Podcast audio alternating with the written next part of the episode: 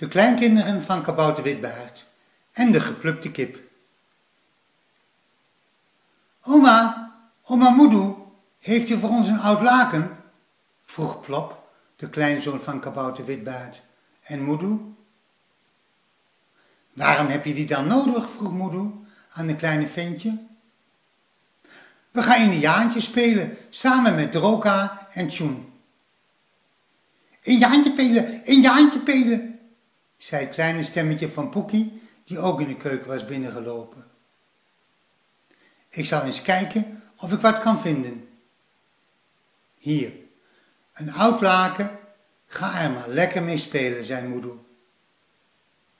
En daar gingen Plop en Poekie, die maar steeds zei, in je handje pelen, in je handje pelen, samen naar de indianentent. Buiten hadden ze al met stokken het geraamte van hun indianentent in het lege schapenweidje gezet. Zo, het laken eroverheen en klaar was Kees. Nu nog een mooie harenband met mooie kippenveren uit het kippenhok, zei Droka. En Droka is het zoontje van de smid. En daar liepen de vier mannekes al naar het kippenhok. Kiphok, kiphok, kiphok, zei Poekie, die altijd met zijn kleine lijfje achteraan kwam gehobbeld. Moedoe was in de keuken bezig toen ze plots een enorme herrie vanuit de kippenhok hoorde. Wat is dat nu? Zal er een vos of een bunzing bij de kippen zitten?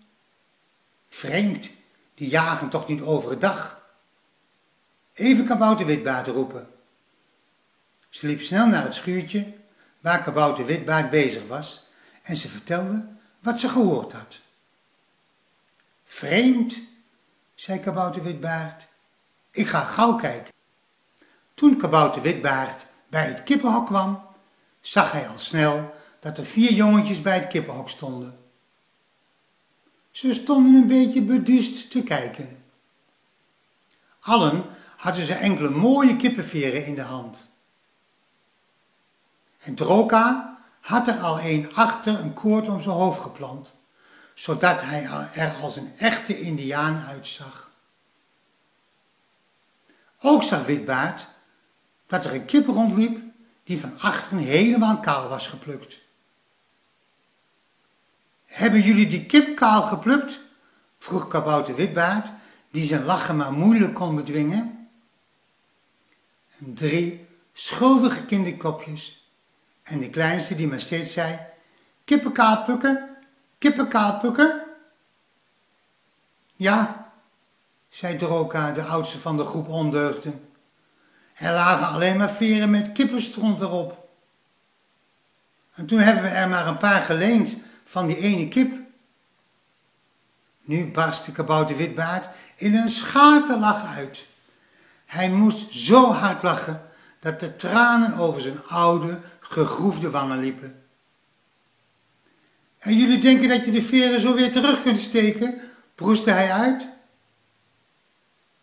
Ook de smid kwam aangelopen. En toen kabouter Witbaard hem vertelde van het lenen van de veren, en de smid de kale kip zag, begon ook de smid te bulderen van het lachen.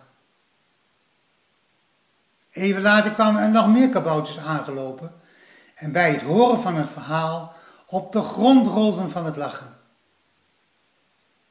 En de vier deugnieten stonden wat beteuterd te kijken naar al die lachende mensen. Kom, we gaan indiaantjes spelen, zei Doroka.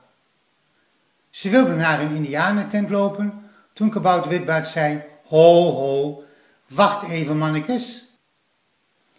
Deze keer is het jullie vergeven, maar doe dit niet weer een keer. Je kunt geen veren terugsteken en de kip die blijft kaal tot aan zijn rui. Dan pas krijgt hij nieuwe veren. Afgesproken? Ja, ja meneer Witbaard. Ja, opa, zeiden drie stemmetjes zacht. En Poekie zei, kippie kaal, kippie kaal. En dan moesten de kabouters weer onbedadelijk om lachen. Even later liepen drie, met indianenveren getooide kinderen, roepend rondjes rond de tent te lopen. Alleen Poekie niet. Die stond bij het kippenhok en riep me steeds wijzend op die ene kip. Kippie kaal, kippie kaal, kaal.